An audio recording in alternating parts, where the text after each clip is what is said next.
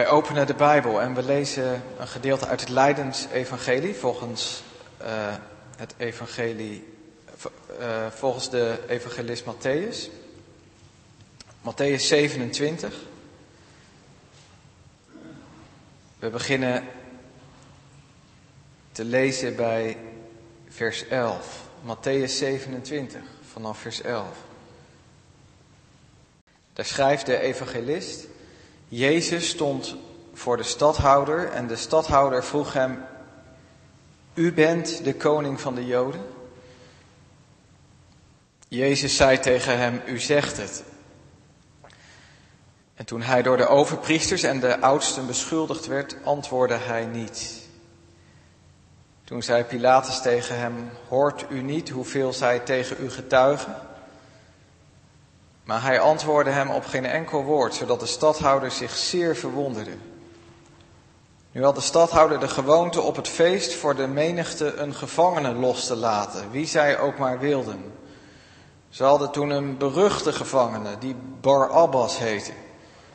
Toen zij dan bijeen waren, zei Pilatus tegen hen, wie wilt u dat ik voor u zal loslaten, Barabbas of Jezus, die Christus genoemd wordt?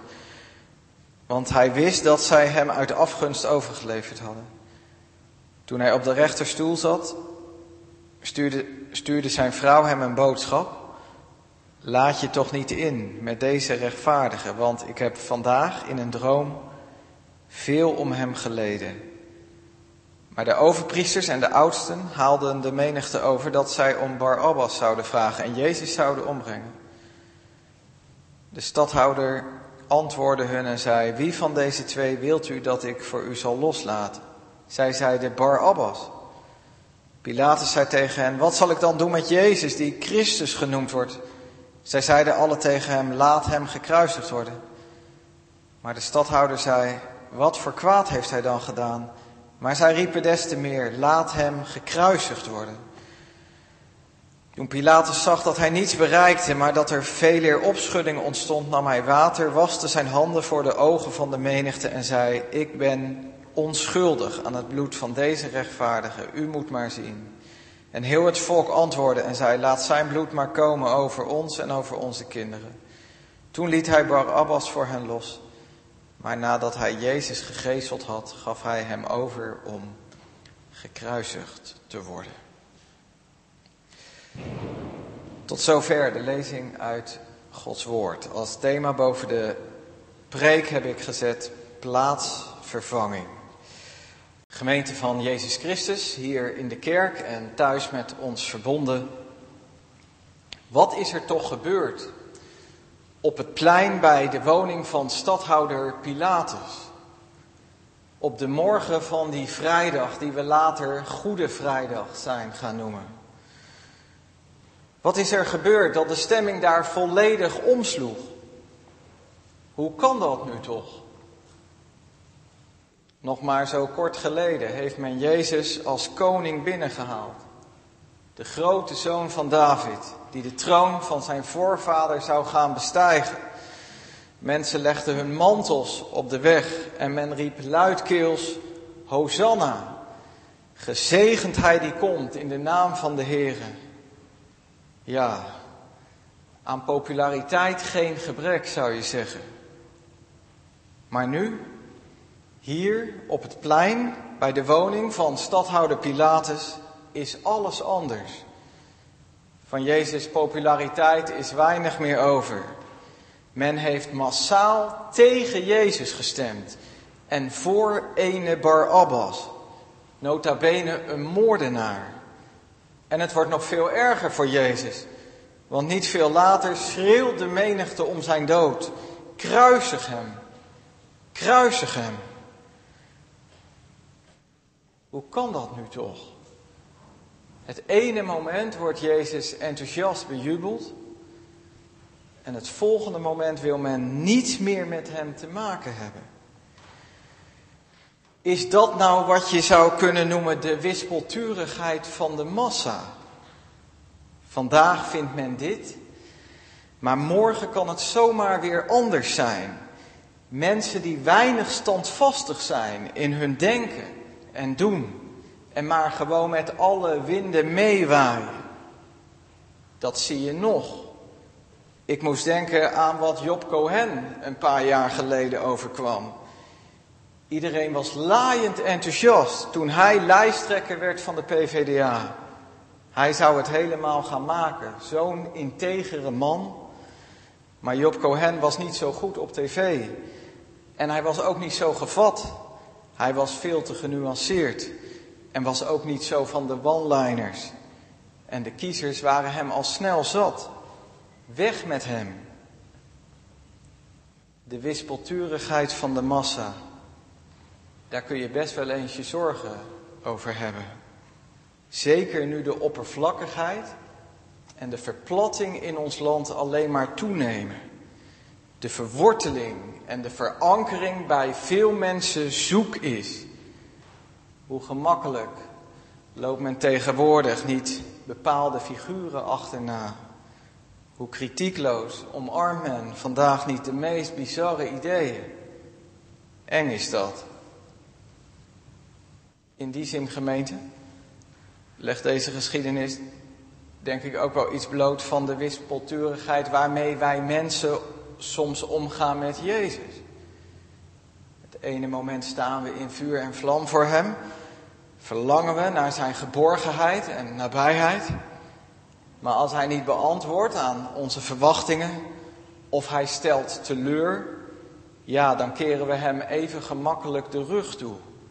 En leven we ons leven alsof Hij niet bestaat.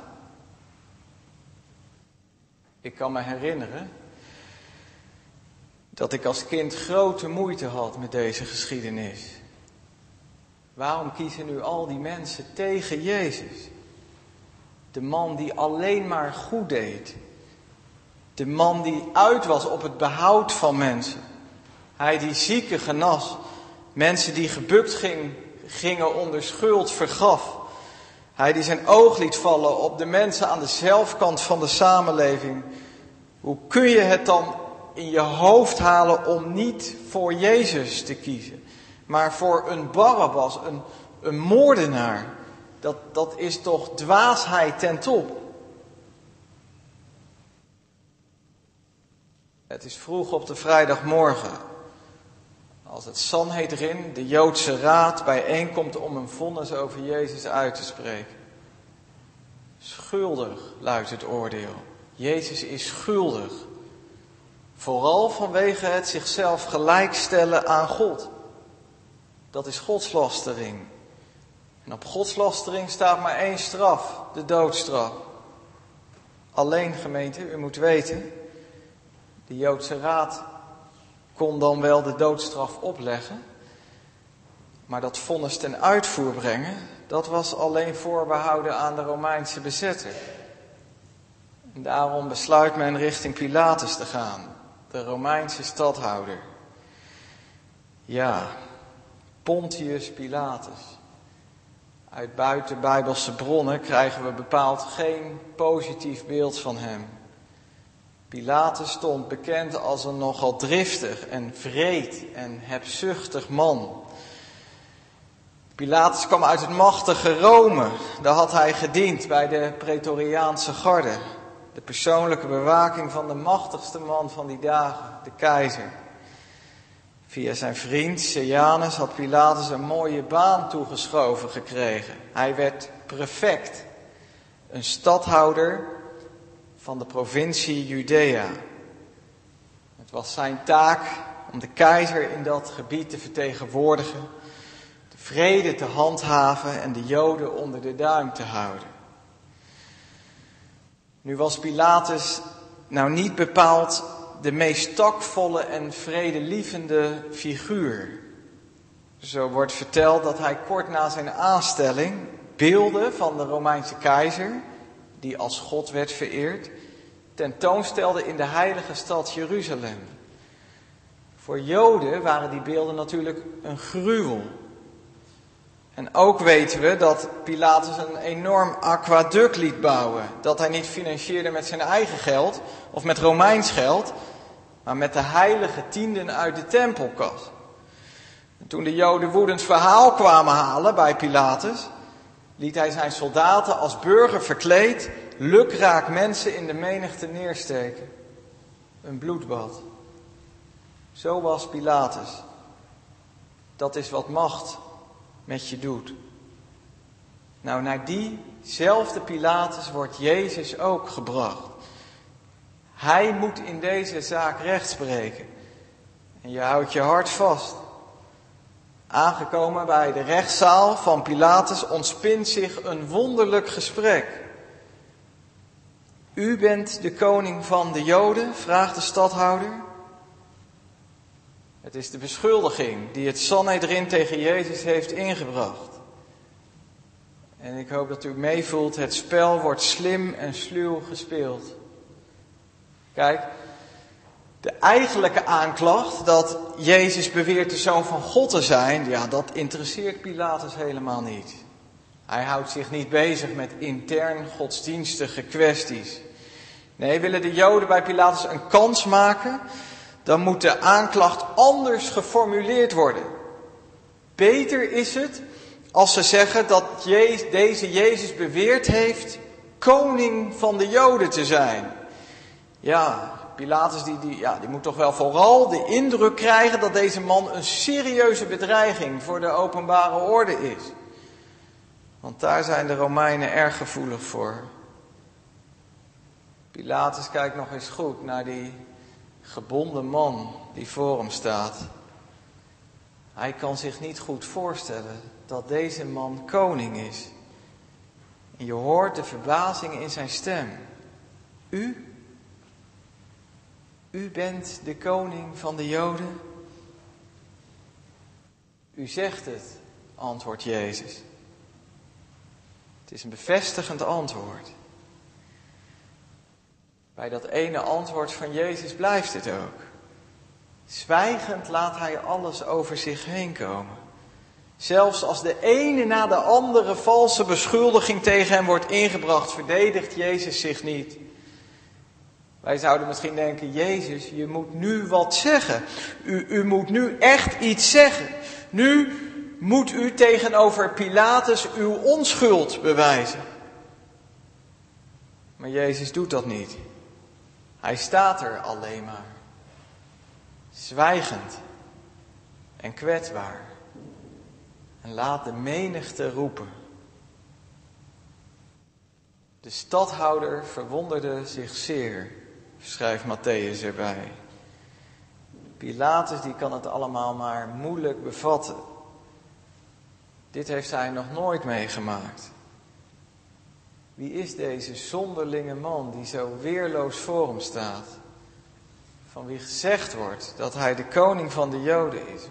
Wat, is dit nu voor vreemde koning? Ja, bij een koning heeft Pilatus hele andere voorstellingen. Als Pilatus aan een koning denkt, ja, dan, dan denkt hij aan de keizer in Rome, die aan het hoofd staat van de Romeinse legioenen. En die met ijzeren vuist en harde hand regeert, die, die er alles aan doet om de volken eronder te krijgen. Maar wat voor koning is dit? Jezus ziet er helemaal niet uit als een krachtfiguur. En hij maakt, ook al, hij maakt al helemaal geen indruk door wat hij zegt. Want hij zegt niets. En al die verhalen dan die over Jezus de ronde ging, die over Jezus de ronde deden. Nou, daar wordt Pilatus ook niet echt zenuwachtig van. Uit niets, maar dan ook uit niets blijkt dat deze man koning is. Ik denk gemeente dat Pilatus hierin niet alleen staat. Het koningschap van Jezus. Dat blijft iets vreemds, ook voor ons. Jezus is koning die regeert. Dat geloven we en daar zingen we over. Maar wat zie je er nu van? Hij regeert niet op de manier zoals de Trumps en de Kim Jong-uns in deze wereld, met gespierde taal. Door te dreigen met fire en fury, met vuur en woede. Nee, Jezus regeert met de macht van zijn liefde. Door zichzelf op te offeren voor een verloren wereld. Door uit liefde te sterven voor mensen zoals u en jij en ik. en ons hart zo voor zich te winnen. Je ziet Pilatus denken, wat moet ik in vredesnaam met deze koning? En ergens voelt hij aan alles dat de man die voor hem staat onschuldig is. Maar ja, Pilatus die ziet ook die woedende Joodse leiders voor zich. Die hebben ook macht. En die houdt hij maar liever te vriend. Straks stappen ze nog naar de keizer. Dan komt zijn positie in gevaar. Pilatus die draait zichzelf steeds vaster in deze zaak. En het enige wat hij nog kan denken is, hoe kom ik hier zonder kleerscheuren uit? Ineens weet hij het. Elk jaar had hij als stadhouder de gewoonte om rond het Joodse paasfeest een gevangene los te laten. Waarschijnlijk deed Pilatus dat als een soort gebaar richting het volk. Het kwam zijn populariteit ten goede. En dit jaar was een van de genomineerden een zekere Barabbas, een beruchte gevangene, schrijft de evangelist erbij. Als Pilatus die nu eens op tweetal zet met Jezus. Grote kans dat ze hem dan kiezen in plaats van zo'n geweldig, gewelddadige moordenaar. Uit de andere evangeliën weten we dat deze Barabbas gegrepen was bij een oproer in de stad. Barabbas had daarbij iemand omgebracht. Er kleefde dus bloed aan zijn handen. En daarom was hij ook veroordeeld tot de kruisdood. Waarschijnlijk hoorde deze Barabbas bij de Zeloten, een groep van vrijheidsstrijders die met geweld de Romeinen wilden verdrijven. Volgens sommige handschriften droeg deze Barabbas ook de naam Jezus. Dat, dat was een veel voorkomende naam in die dagen. Jezus Barabbas. U weet misschien wel, gemeente. Barabbas betekent zoon van de Vader. Op die goede vrijdagmorgen staan er twee mensen op dubbeltal. Jezus, de zoon van de Vader, tegenover die andere zoon van de Vader. De een is moordenaar, de andere een middelaar. De een komt van beneden, de ander van boven. De een gebruikt zijn handen om te doden, de ander heeft zijn handen uitgestrekt om goed te doen, te herstellen, te vergeven. De een is een man vol geweld, de ander is vol van liefde en genade. Wie wilt u dat ik voor u zal loslaten? Barabbas of Jezus, die Christus genoemd wordt? En dan, dan lezen we ineens over een vreemd incident. Midden in het rumoer van het proces krijgt Pilatus van een bode een briefje van zijn vrouw, Claudia Procula. Ze heeft een nachtmerrie gehad. In haar droom heeft ze zwaar geleden om Jezus. Pontius, die Jezus, dat is een rechtvaardige. Hou je handen van hem af. Doe geen stomme dingen. Wordt Pilatus door dit teken van boven nu uit balans gebracht? We weten het niet. Wellicht dat het hem even tot bezinning brengt. Maar dan, dan zet hij het ook weer snel van zich af en, en gaat hij verder waarmee hij bezig was. Wie van deze twee willen jullie dat ik loslaat? En dan vergist hij zich ontzettend. Want in de tijd dat Pilatus nadacht over dat briefje van zijn vrouw, hebben de overpriesters en de oudsten de menigte overgehaald om op Barabbas te stemmen en Jezus te laten kruisigen. Massaal scandeert men de naam van Barabbas. Misschien moet je ook wel zeggen, die Barabbas was in de ogen van het volk niet zo'n slechterik als Pilatus had gedacht. Nogmaals, Bar Abbas was niet een of andere seriemoordenaar of zo. Nee, hij verzette zich tegen de Romeinse overheersers. Hij durfde zich tenminste te verweren tegen die heidenen die, die spotten met alles wat heilig is. Bar Abbas had iets waarvan men hoopte dat Jezus het ook zou hebben. Een man die niet schuwde om het zwaard op te nemen. Iemand die hen zou voorgaan in de strijd. Ja, ik denk dat je moet zeggen dat die Barabbas bij een deel van de bevolking gewoon heel populair was. Bar Abbas sprak tot de verbeelding. Hij was een held. Je ziet Pilatus verbleken. Het loopt helemaal niet zoals hij had gedacht. En bijna wanhopig klinkt het dan, wat zal ik doen met Jezus, die Christus genoemd wordt? Misschien is juist dat wel de spannende vraag in dit gedeelte. Wat doe ik met Jezus? Pilatus zit er ergens heel dichtbij. Misschien, dat zou zomaar kunnen, heeft hij in de ogen van Jezus gezien. Dit is niet zomaar iemand. Die man, die heeft gewoon iets. Die, die heeft gewoon iets van God in zich. En je voelt ook aan alles dat Pilatus aarzelt. Die meedogenloze stadhouder die over lijken gaat, hij, hij wordt onrustig van Jezus. Alsof God zelf in Jezus hier voor de deur van zijn levenshuis staat. En de grote vraag is, zal Pilatus open doen? Zal hij zich openstellen voor deze koning en Jezus toelaten in zijn leven? Of durft hij zijn handen uiteindelijk niet te branden aan Jezus? En laat hij de deur van zijn hart dicht voor hem? Ik denk gemeente dat wij allemaal in ons leven wel zo'n Pilatus moment kennen. Dat die vraag, wat doe ik nou met Jezus, zich als een vraag van God aan je opdringt. Wat doe ik met Jezus? Die de Messias wordt genoemd, de Zoon van God en het ook is. Geloof je dat? Stel je je hart voor Hem open. Laat je Hem koning zijn over je leven. Of duw je die vraag en daarmee Hem uit je leven weg en ga je je eigen gang? Doe je als het erop aankomt gewoon waar je zelf zin in hebt? Pilatus zit er even heel dichtbij. Je ziet hem twijfelen. Maar dan hoort hij de schreeuwende menigte.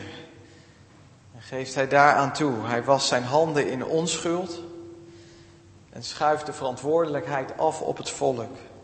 Het recht wordt hier op grove wijze geschonden.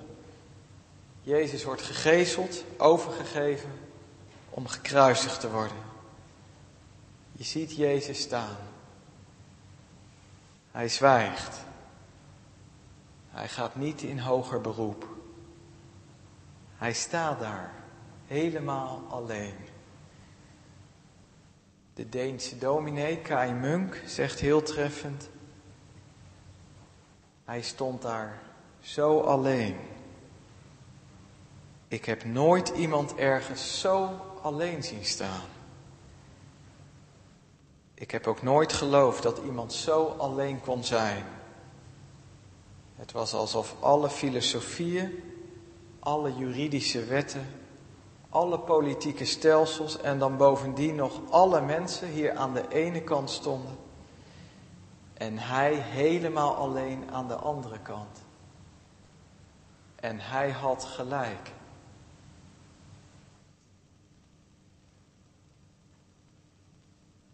En Barabbas, vraagt u? Wat is er met hem gebeurd? Nou, die wordt vrijgelaten. Voor, ba voor Bar Abbas wordt het een onvergetelijk paasfeest. Moet je nagaan. Je zit in een donkere kerker te wachten op je doodvonnis. Je weet dat je schuldig bent en dat je straf verdient. Maar dan ineens hoor je voetstappen in de gang.